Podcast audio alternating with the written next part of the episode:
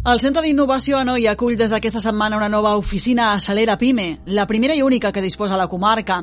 L'agent tecnològic tindrà, atendrà les consultes de les petites i mitjanes empreses i autònoms locals un dia a la setmana. L'OAP Rural facilitarà assessorament tecnològic personalitzat a partir d'un diagnòstic digital del negoci. A més, les empreses i persones autònomes també podran accedir a seminaris sobre TIC i tallers de networking, entre altres recursos. Aquest migdia s'han fet concentracions silencioses a favor de la pau i el cessament del conflicte bèl·lic a Ucraïna. L'Ajuntament de Vilanova del Camí també s'ha unit a la convocatòria. Avui és divendres i el cap de setmana arriba marcat a l'agenda vilanovina pel Carnaval. 19 comparses s'han inscrit a la Rua, que un any més omplirà de colors, música i disbauxa al carrer Santa Llúcia. Un grup d'unes 40 persones ha participat aquesta setmana d'una nova sortida dins el cercle de passejades de la Diputació de Barcelona. La segona cita de la temporada els ha portat fins a Castelldefels. De l'agenda del Centre Cultural Casa d'Andalusia de la Noia celebra aquest diumenge el Dia d'Andalusia. Des de l'entitat Vilanovina han preparat un programa d'actes que inclou un dinar de germanor i diferents actuacions. I de l'agenda destaquem també que aquest divendres s'inaugura una nova edició del Fine Art Igualada. El Festival de Fotografia obrirà portes avui a una vintena de sales d'exposició i espais efímers. I en esports, el Club Gimnàstic Ballarina ha tornat a assolir bons resultats en la primera fase dels Campionats de Catalunya individuals que es van celebrar a Sant Jaume d'Enveja el passat dissabte.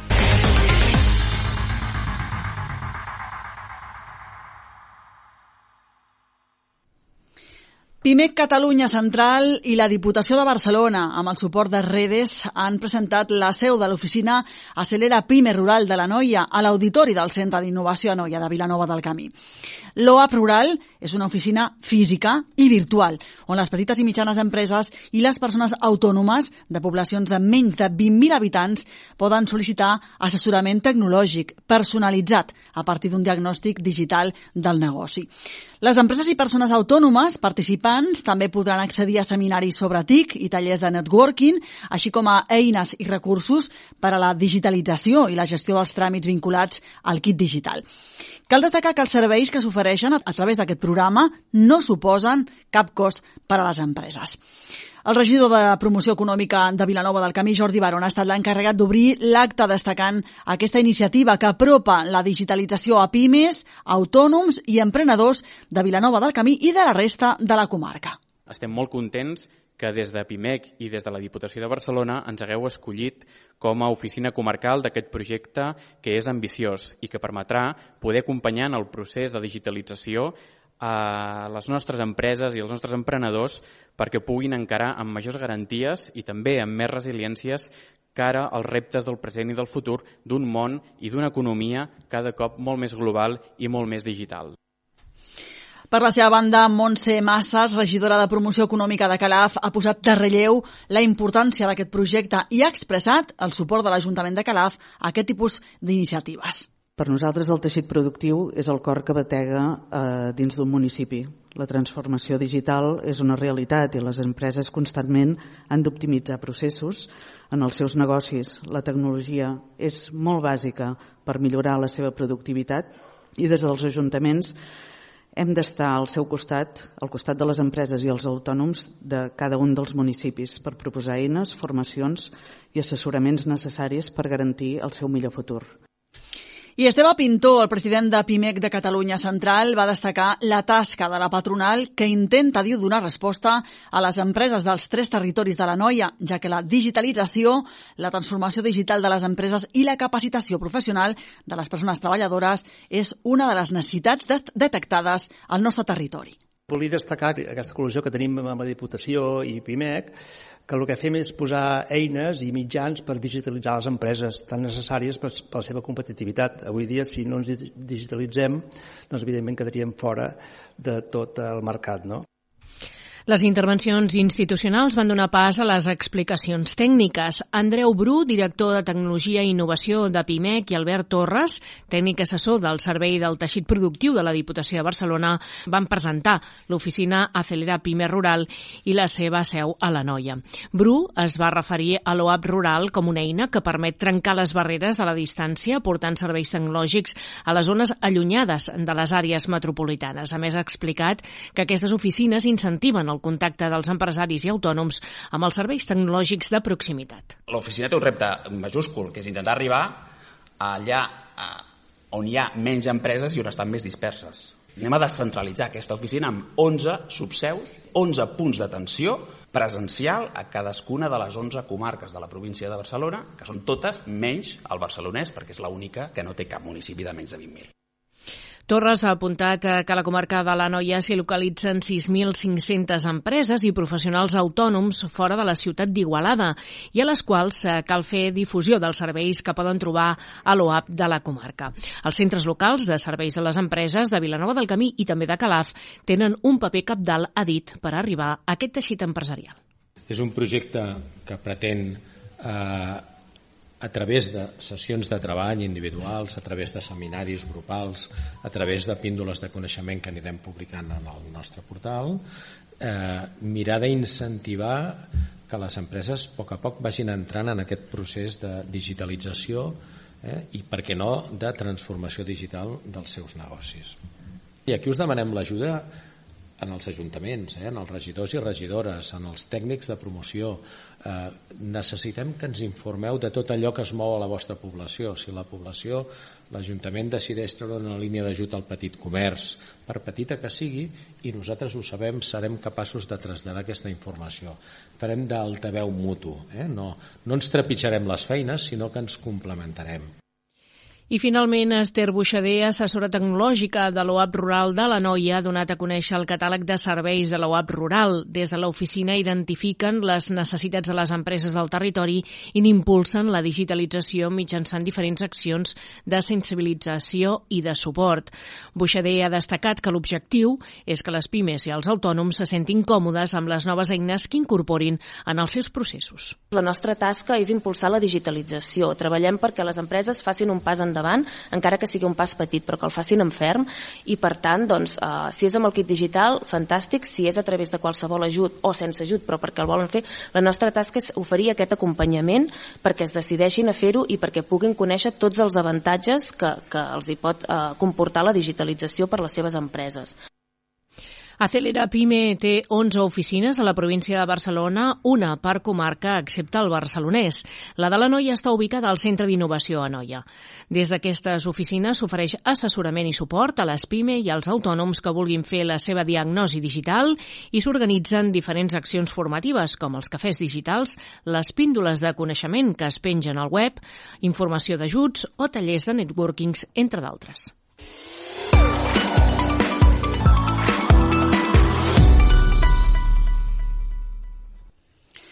Aquest divendres 24 de febrer es compleix exactament un any de l'inici del conflicte bèl·lic entre Ucraïna i Rússia. Per aquest motiu, des de l'Associació Catalana de Municipis i Comarques i la Federació de Municipis de Catalunya han instat els ajuntaments i consells comarcals catalans a unir-se en aquest clam a favor de la pau i el cessament del conflicte bèl·lic a Ucraïna. L'Ajuntament de Vilanova del Camí també s'ha unit a la convocatòria de concentració en favor de la pau amb la concentració del personal a les 12 del migdia a la porta dels diferents edificis municipals.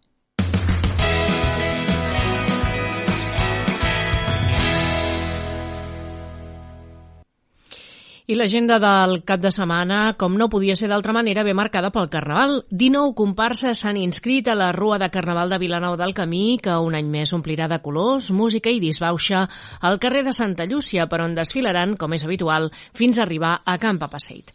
La sortida és prevista, com en edicions anteriors, a partir de les 9 del vespre, des del carrer Cristòfor Colom. La festa carnavalera a Vilanova del Camí ha començat a escalfar motors avui i la proposta des de Vilanova Comerç ha animat a comerciants a disfressar-se. Demà a la tarda, com és tradició, el Carnaval Infantil que organitza l'Associació Cultural Camp del Rei prendrà el relleu de les disbauxes. Enguany celebra la seva 38a edició i torna a recuperar el berenar per tots els participants, aixecant així totes les restriccions que va imposar la pandèmia. Les inscripcions per la rua es faran demà a partir de les 15.30 a la plaça de Camp Passeig, des d'on sortirà la cercavila una hora més tard, cap a dos quarts de cinc de la tarda. La gran rua de Carnaval desafiarà les baixes temperatures previstes per demà i de segur la gresca de les comparses escalfarà la nit. Són un total de 19 les que han confirmat participació, no només de Vilanova del Camí, sinó també d'altres municipis veïns. Algunes ja les coneixem pel nom i perquè han estat premiades al Carnaval Igualadí, com és el cas de Popalipsi, del Camp del Rei, Futur Ximple, de la Fa Joan Maragall, Valhalla del Camí del Club Futbol Vilanova, 40 anys del Pompeu i la cingarada de l'Esbardansaire. Però pel nom la resta també prometen. Carregats de multes, Volando Boy, Pura Energia, Un Domingo a la Tarde, La Caputxeta Vermella, Els Cascanueces, Les Ranes Marcianes, 100% flamencos, Connectem amb la Mare Terra, El Misterio de la Lámpara Màgica, Fantasia Barroca, Disney 100, Dracar i els vikings i l'escola Mare Diví Pastor, 150 anys construint futur.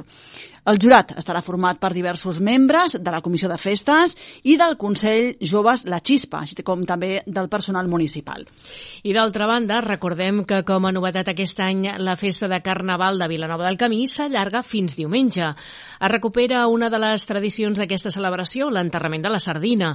La regidoria de Cultura i el Camp del Rei han organitzat plegats aquest acte, que també compta amb la col·laboració de l'Esbar d'Ensaire Artístic, a un tempo i l'Associació de Ball a Ainhoa.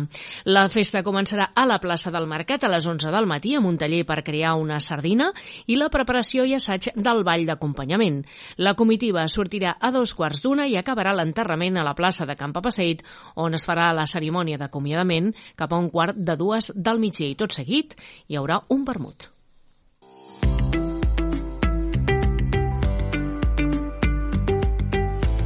I encara parlant del cap de setmana a Vilanova del Camí, el Centre Cultural Casa de Andalucía de la Noia celebra aquest diumenge el Dia d'Andalucía.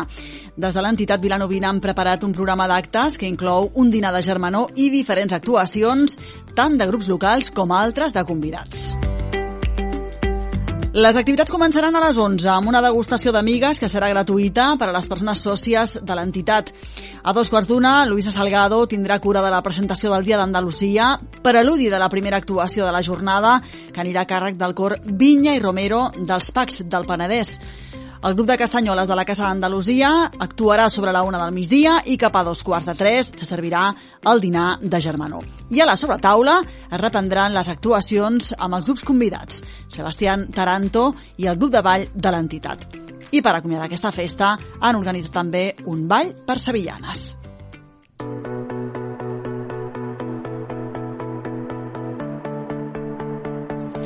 I de l'agenda destaquem també que aquest divendres s'inaugura una nova edició del Fine Art Igualada. El Festival de Fotografia obrirà portes avui a una vintena de sales d'exposició i espais efímers.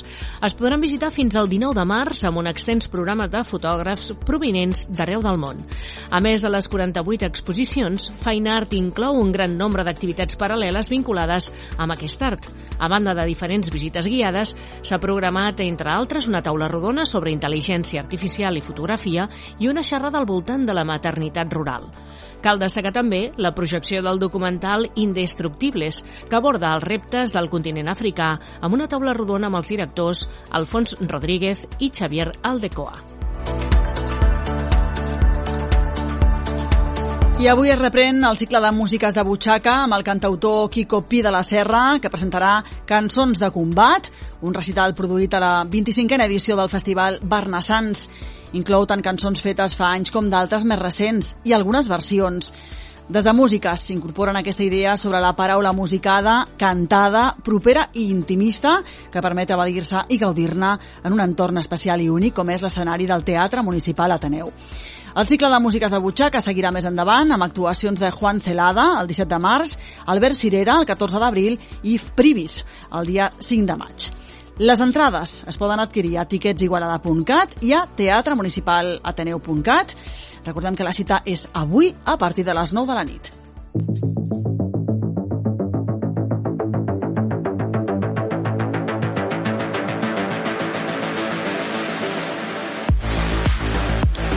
Un grup d'unes 40 persones ha participat aquesta setmana d'una nova sortida dins el cercle de passejades de la Diputació de Barcelona.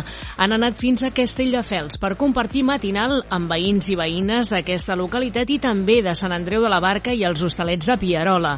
La sortida els va permetre compartir una caminada d'uns 9 quilòmetres amb un recorregut força urbà, aquesta vegada per la zona del barri de Canyars, la plaça de Colom, el canal Olímpic i un petit circuit pel campus de la UPC i després pel passeig marítim fins a arribar a la Pineda.